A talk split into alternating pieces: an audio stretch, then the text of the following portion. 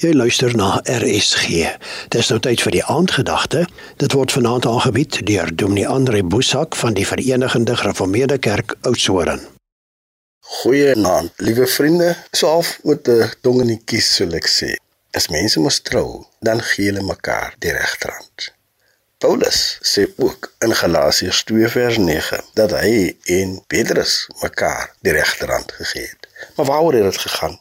Hy sê hier in hierdie gedeelte in vers 9: Ons het mekaar die regterhand gegee as teken dat ons en hulle medewerkers is.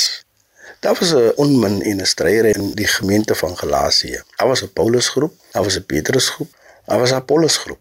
Maar dan kom die apostels bymekaar iewers in Jerusalem, Handelinge 15 praat daarvan, en dan gee hulle mekaar die regterhand as 'n teken dat hulle medewerkers is. 'n Teken van trou Ons sit in 'n land in met soveel geskeurdheid, soveel verdeeldheid, soveel agterdog. En tog word ek en u as geloofsmense geroep, desondanks ons verskille, ons oortuigings, mekaar net regterhand te gee en sê in Jesus is ons medewerkers. Dis wat Suid-Afrika nodig het. Geloofsmense wat mekaar die hand gee en sê ons werk met mekaar saam.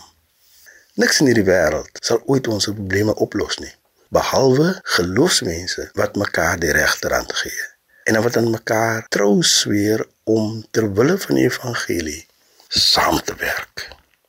Kom, liewe broers en susters, al ken ons mekaar nie, kom ons vat mekaar se regterhand en dan werk ons met mekaar saam.